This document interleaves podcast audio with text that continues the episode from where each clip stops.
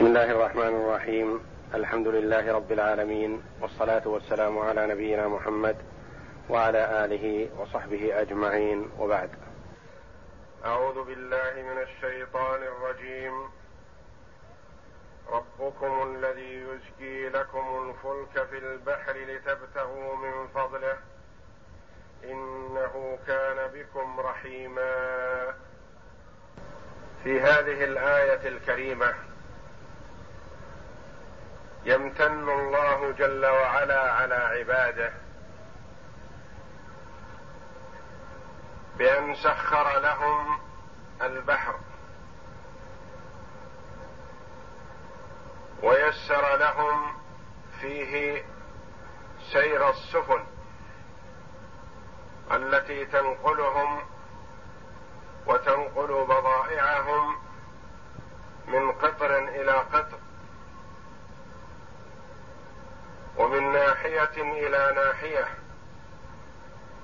يقول جل وعلا ربكم الذي يزجي لكم الفلك يزجي يسير لكم الفلك السفن أو السفينة فهي تطلق على المفرد. وعلى الجمع. وهي في المفرد كقولك قفل وفي الجمع كقولك بدن. يزجي لكم الفلك في البحر. والبحر يطلق على الماء الكثير سواء كان عذبا أو مالحا. لتبتغوا من فضله. لتطلبوا فضل الله جل وعلا. ولتدركوا من وراء ذلك ما فيه مصالحكم الدينية والدنيوية. فهي تنقلكم في المصالح الدينية إلى بيت الله الحرام لأداء الحج والعمرة ولزيارة مسجد رسول الله صلى الله عليه وسلم وللجهاد في سبيل الله. والمصالح الدينية كالتجارة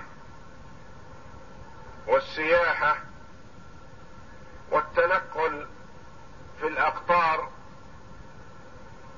من بلد إلى بلد بنقل الأشخاص ونقل البضائع والأمتعة التي يصعب نقلها عن طريق البر. ويسهل نقلها بأمر الله جل وعلا وتيسيره في البحر. لتبتغوا من فضله إنه كان بكم رحيما. كالتعليل لما سبق. يسر لكم سير السفن في البحر لطلب فضله جل وعلا لأنه جل وعلا كان بكم رحيما. فهو رحيم بعباده جل وعلا. هيأ لهم أسباب معاشهم ويسر لهم ما يحتاجون إليه. فضلا منه وإحسان.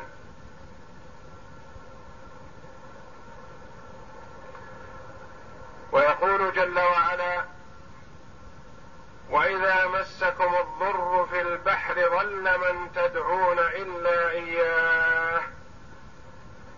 فلما نجاكم إلى البر أعرضتم وكان الإنسان كفورا.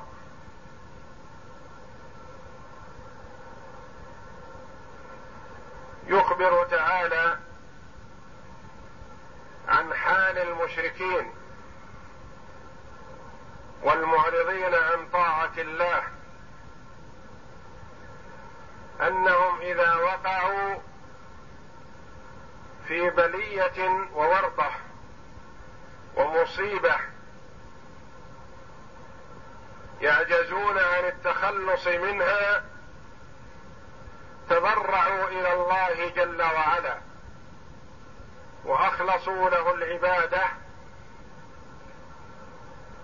فلا ينقذهم سواه ويعرضون عن كل معبود غيره لجزمهم بأنه لا ينفع إلا الله وحده.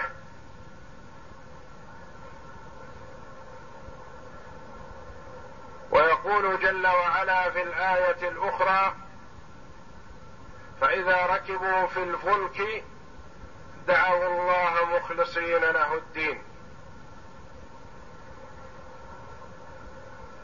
ويقول هنا جل وعلا وإذا مسكم الضر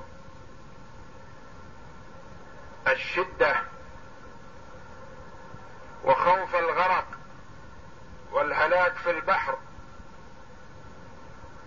إذا مسكم الضر في البحر إذا أصابتكم العواصف الشديدة والأمواج وتوقعتم الهلاك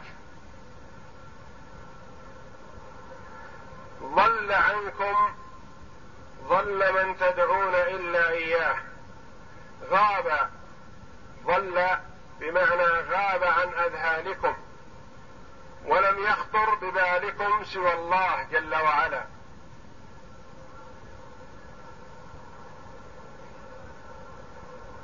كل المعبودات والآلهة والسادة والأولياء ومن يزعمون في حال الرخاء أنه ينفع إذا جد الجد وتوقعوا الهلاك أعرضوا عنها كلها ولم يلتفتوا إلا إلى الله جل وعلا. وهذه حال المشركين في الزمن السابق. وأما حال مشركي زماننا فهم كما قال شيخ الإسلام محمد بن عبد الوهاب رحمه الله أشد شركا من المشركين السابقين. مع زعم هؤلاء أنهم مسلمون. الكفار في وقت نزول القرآن إذا أصابتهم الشدة والمحنة ووقعوا في المواقع الحرجة أخلصوا العبادة لله. وطلبوا منه النجاة. فينجيهم الله جل وعلا. بلطفه ولرحمته بعباده جل وعلا. وأما مشركو زماننا فالكثير منهم شركهم في الشدة أكثر وأعظم من شركهم في الرخاء. تجدهم الواحد منهم إذا وقع في الورطة أخذ ينادي بأعلى صوته ويصرخ مستغيثا بغير الله جل وعلا. من ميت صالح أو طالح.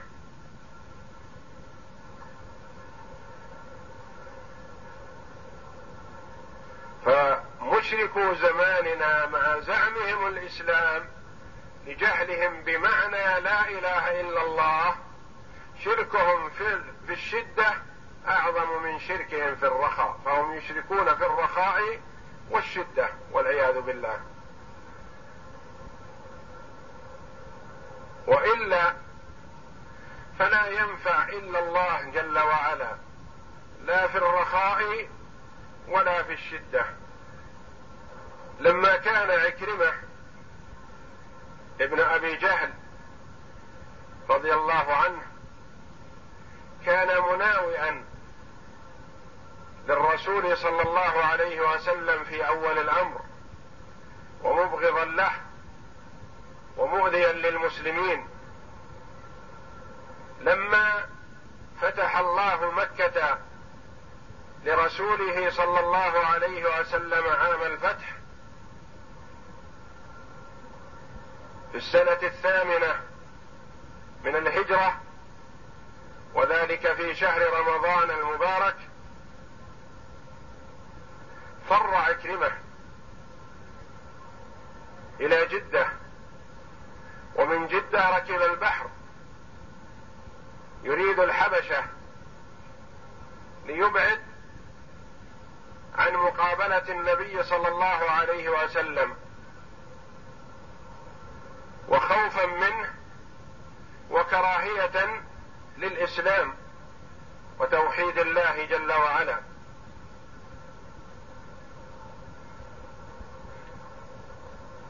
فجاءتهم ريح شديدة في البحر من لطف الله جل وعلا به وأن الله جل وعلا أراد به خيرا. جاءتهم ريح عاصف فقال القوم بعضهم لبعض إنه لا يغني عنكم إلا أن تدعوا الله وحده. قال لهم صاحب السفينة وقال بعضهم لبعض اخلصوا الدعاء لله. لا تنفع الآلهة الآن. أنتم في ورطة. ويخشى عليكم الهلاك والآلهة لا تنفع. فالجأوا إلى الله وحده واتركوا ما سواه.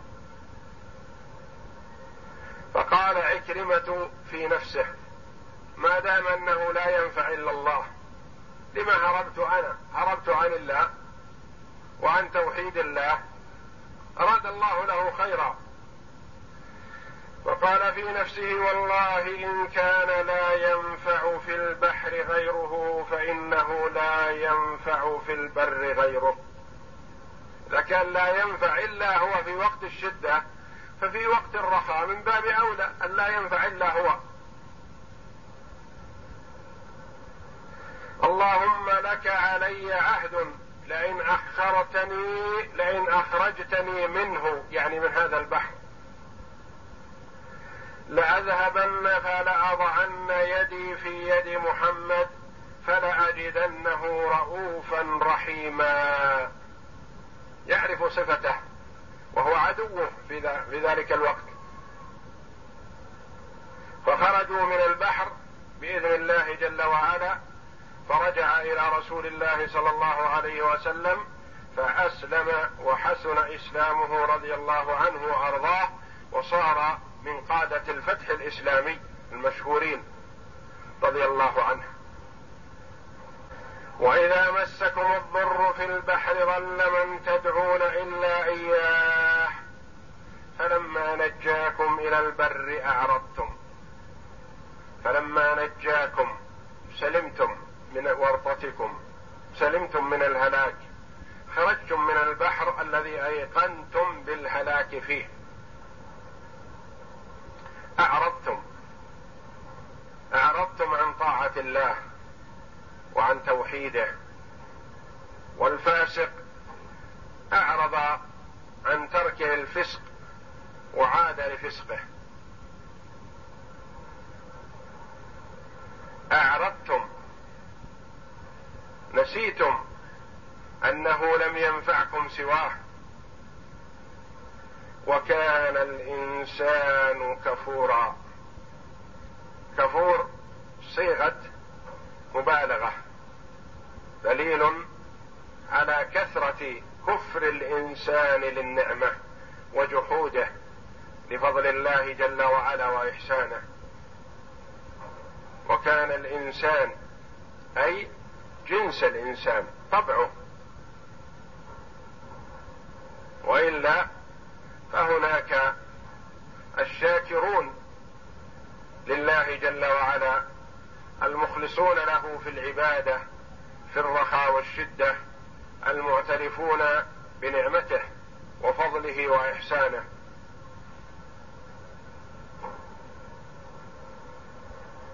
يقول الله جل وعلا مذكرا لهم ومنبها لا تظنوا أنكم بسلامتكم من البحر وخروجكم منه سالمين ذهب الخوف عنكم وانتهى الخطر؟ لا. أفأمنتم أن يخسف بكم جانب البر أو يرسل عليكم حاصبا؟ ثم لا تجدوا لكم وكيلا. أفأمنتم أن يخسف بكم جانب البر؟ تظنون أن الهلاك والخطر فقط في البحر. فإذا خرجتم من البحر أشركتم وأعرضتم عن طاعة الله الذي هو قادر على أن يهلككم في البحر بالرياح والعواصف قادر على أن يهلككم في البر. أفأمنتم؟ الاستفهام للانكار والفاء عاطفة على شيء مقدر يفهم من سياق الكلام. أنجوتم من البحر فأمنتم أن يخسف بكم جانب البر. لا تأمنوا.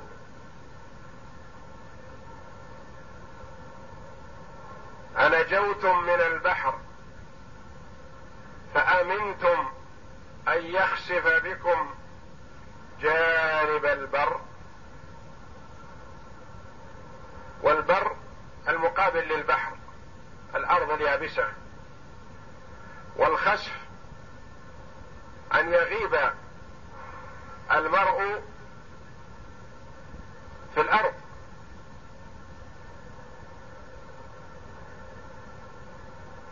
فكما أنكم خفتم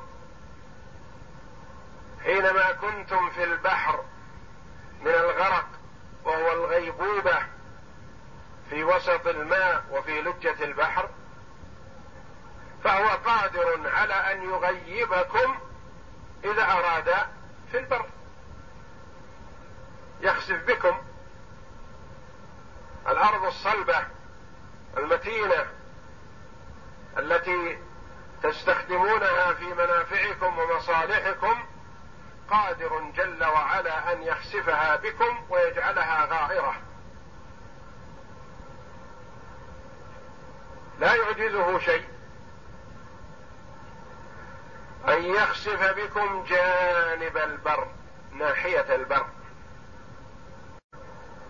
كانوا يظنون إذا جاءهم الخطر في البحر ثم وصلوا إلى الساحل. ووطأت أقدامهم البر أنهم نجوا وانتهوا. فيودعون التوحيد في البحر. ويأتون بالشرك في البر لأنهم آمنون. فيقول الله جل وعلا القادر على إغراقكم في البحر قادر على أن يخسف بكم الأرض كما خسف بقارون وبداره وجيرانه سالمون كما قال الله جل وعلا فخسفنا به وبداره الأرض فما كان له من فئة ينصرونه من دون الله وما كان من المنتصرين. وأصبح الذين تمنوا مكانه بالأمس يقولون ويك أن الله يبسط الرزق لمن يشاء من عباده ويقدر. لولا أمن الله علينا لخسف بنا. فجيرانه سلموا من هذا الخسف. خسف له ولداره فقط.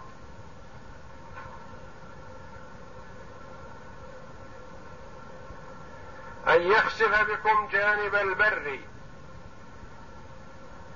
ولا تظنوا أن الهلاك يأتيكم من تحت فقط بالخسف فقط بل هو قادر على أن يرسل عليكم الهلاك من فوق. أو يرسل عليكم حاصبا. تأتيكم الرياح الشديدة المصحوبة بالحصى المهلك. فيرسل عليكم رياحا مصحوبة بالحصى. فتهلككم. كما أهلكت قوم لوط. فلوط قوم لوط أرسل الله عليهم الحاصب. رموا بالحجارة من السماء فهلكوا.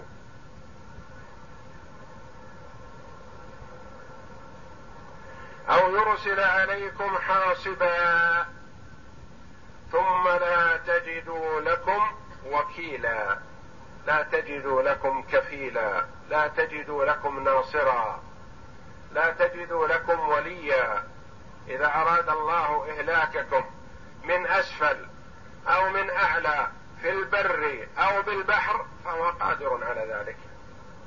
أم أمنتم أن يعيدكم فيه تارة أخرى فيرسل عليكم قاصفا من الريح فيغرقكم فيغرقكم بما كفرتم ثم لا تجدوا لكم علينا به تبيعا. أم أمنتم أن يعيدكم فيه تارة أخرى؟ أنتم في حاجة إلى البحر خرجتم منه هذه المرة سالمين. تبدو لكم حاجة. يهيئ الله لكم في الوقت القريب حاجة. تضطرون لركوب البحر من أجلها فيؤاخذكم بالسابق.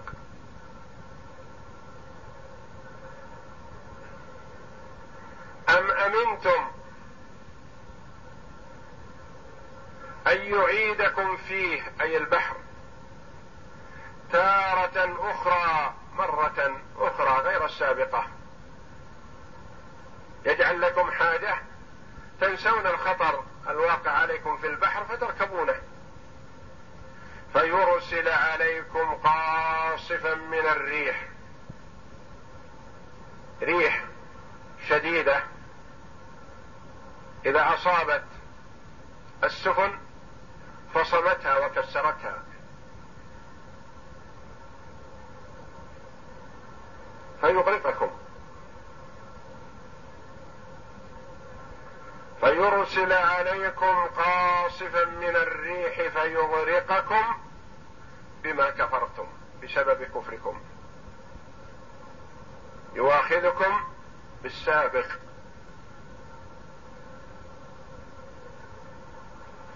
فيغرقكم بما كفرتم. الباء هنا سببية. وما وما بعدها تسبك بمصدر بسبب كفركم.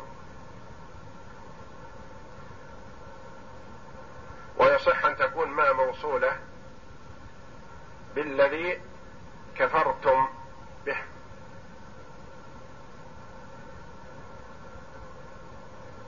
ثم لا تجدوا لكم علينا به تبيعا. يكون الغرق والهلاك لكم ولا تجدوا لكم ناصرا.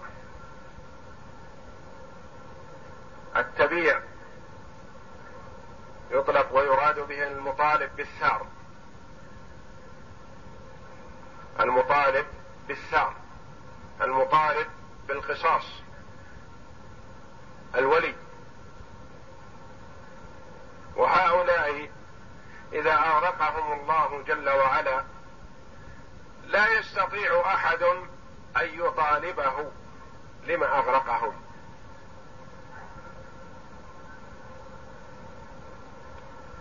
ثم لا تجدوا لكم علينا لا أحد يطالب الله جل وعلا. لا تجدوا لكم علينا به بهذا الفعل الذي فعلنا بكم تبيعا مطالبا لما فعلنا بكم ذلك. أي لا أحد يأخذ بثاركم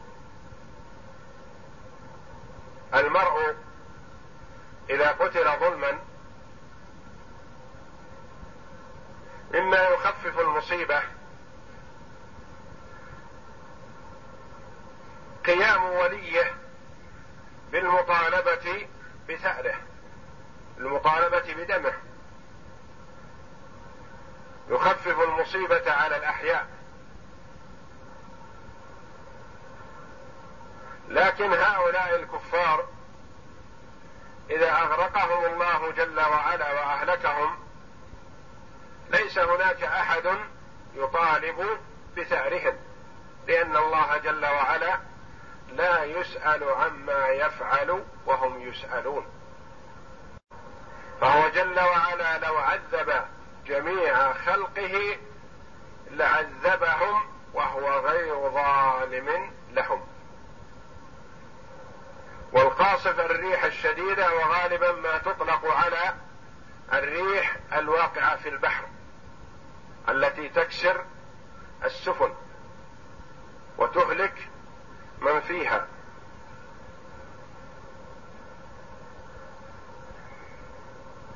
فهذا وعيد من الله جل وعلا. لمن أعرض عن طاعته بأنه جل وعلا وإن أمهله فإنه قادر على أخذه متى شاء وكيفما شاء. لا يقال إنه خرج من البحر فسلم أو أنه خرج من البر فسلم من الخسف وغيره بدخوله البحر. وإنما هم في قبضة الله جل وعلا. متى ما أراد بهم شيئا فعله.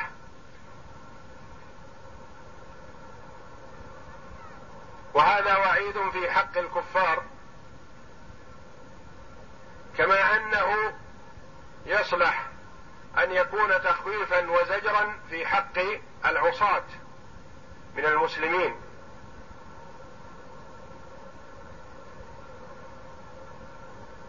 أن بعضهم إذا وقع في ورطة أقبل على الله في العبادة وترك المحرمات. فإذا سلم من هذه الورطة نسي تضرعه إلى الله السابق ووقع في معصية الله. تناسى ما حصل وانهمك في المعاصي. فالله جل وعلا يبين بأن العبد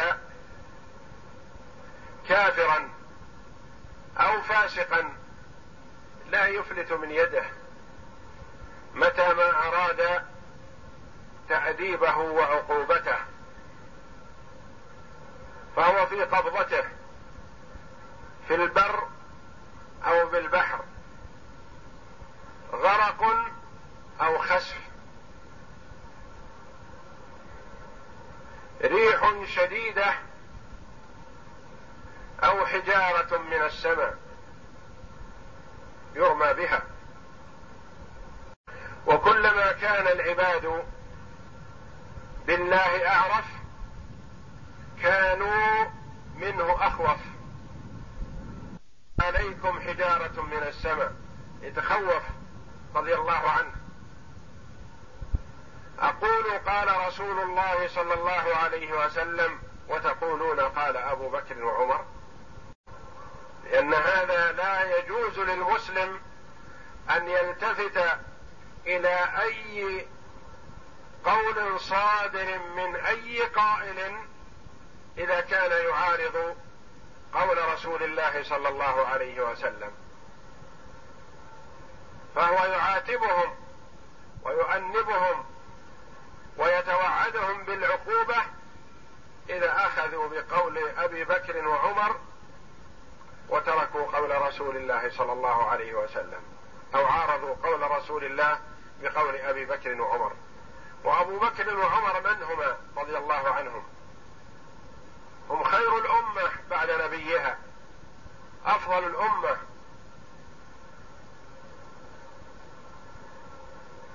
لكن قول رسول الله صلى الله عليه وسلم لا يعارض به قول أي قائل.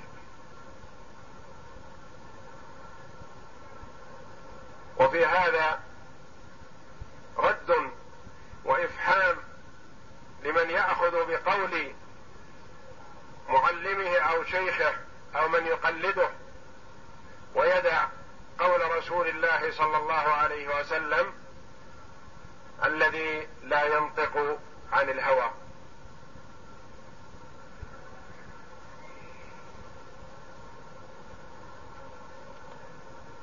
يقول الله جل وعلا ولقد كرمنا بني آدم وحملناهم في البر والبحر ورزقناهم من الطيبات وفضلناهم على كثير ممن خلقنا تفضيلا. ولقد كرمنا بني آدم. أكرم الله جل وعلا ذرية آدم بما لم يكرم به غيرهم وفضلهم على كثير من خلقه.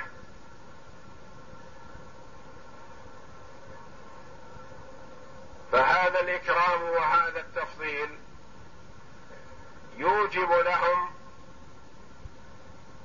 الشكر لله جل وعلا على هذه النعمة. كرمنا بني آدم. خلق ذرية آدم خلقا سويا. جعلهم يمشون على أقدامهم. وسائر الحيوانات تمشي على أربع. جعلهم يأكلون بأيديهم. وسائر الحيوانات تأكل بأفواهها. وهبهم العقول.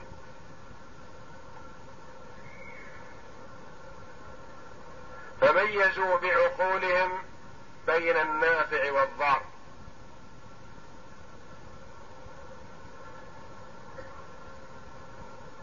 وبعقولهم سخرت لهم سائر الحيوانات للانتفاع بها.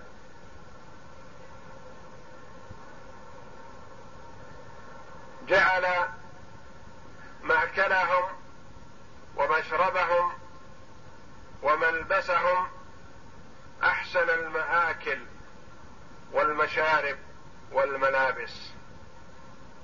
وأسكنهم المساكن. وأركبهم ما يحملهم. وستر عوراتهم.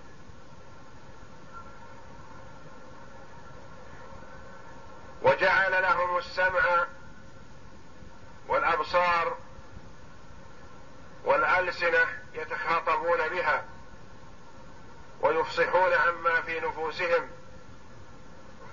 يسر لهم المكاسب والحصول على الخيرات بالبيع والشراء والتقاط المباحات والكسب. وعمل الأعمال التي تنفعهم ويستخدمونها في مصالحهم. كل هذا من إكرام الله جل وعلا لبني آدم. ولقد كرمنا بني آدم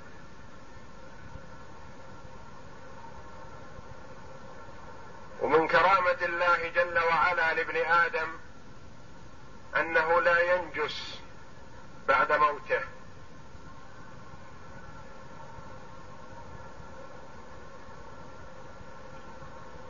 ومن كرامة الله جل وعلا لابن آدم أنه إذا مات جعل له قبرا يواريه ولا يرمى كالجيف ومن كرامة الله جل وعلا لابن آدم جعل تزاوجهم بهذا الشكل الجيد النافع المصون مع الحشمة والستر بخلاف سائر الحيوانات المتوالدة. فقد ميز الله جل وعلا ذرية آدم بميزات عظيمة. يتعين عليهم أن يشكروا الله جل وعلا عليها. ولقد كرمنا بني آدم وحملناهم في البر والبحر. حملهم الله جل وعلا في البر بالدواب وما يسره من المراكب الحديثة التي تقرب المسافات والبحر السفن القوية المتينة المصونة.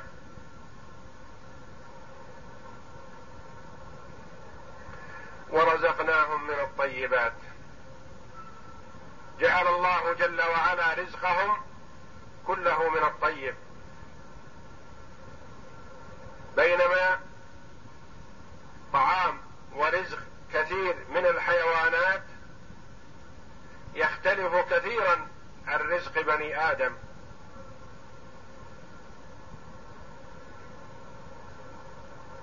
فهم ميسر لهم ما طاب من المأكل والمشرب والملبس والمسكن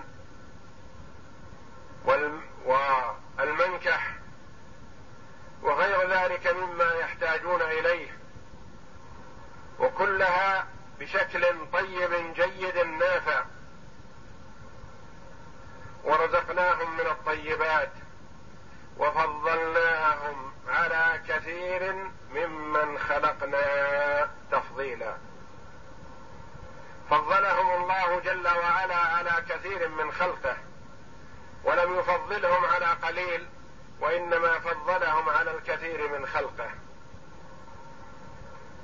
فضلهم على سائر الحيوانات التي يعرفونها ويرونها. ثم هل هناك شيء مستثنى فضل على ابن آدم؟ أم أن كلمة كثير يراد بها العموم؟ فإن كلمة كثير تأتي أحيانا ويراد بها العموم كما قال الله جل وعلا وأكثرهم كافرون ويأتي وأكثرهم كاذبون وهم كلهم كاذبون كفرة.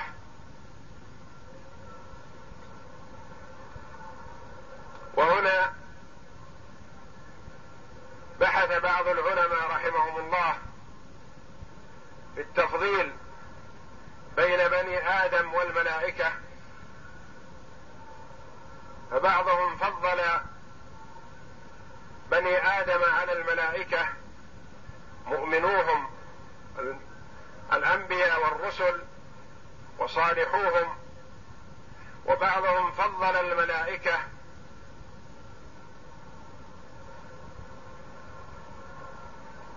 وبعضهم قال الأنبياء والرسل مفضلون على الملائكة ومن عداهم من المؤمنين ففي الملائكة من هو أفضل منهم.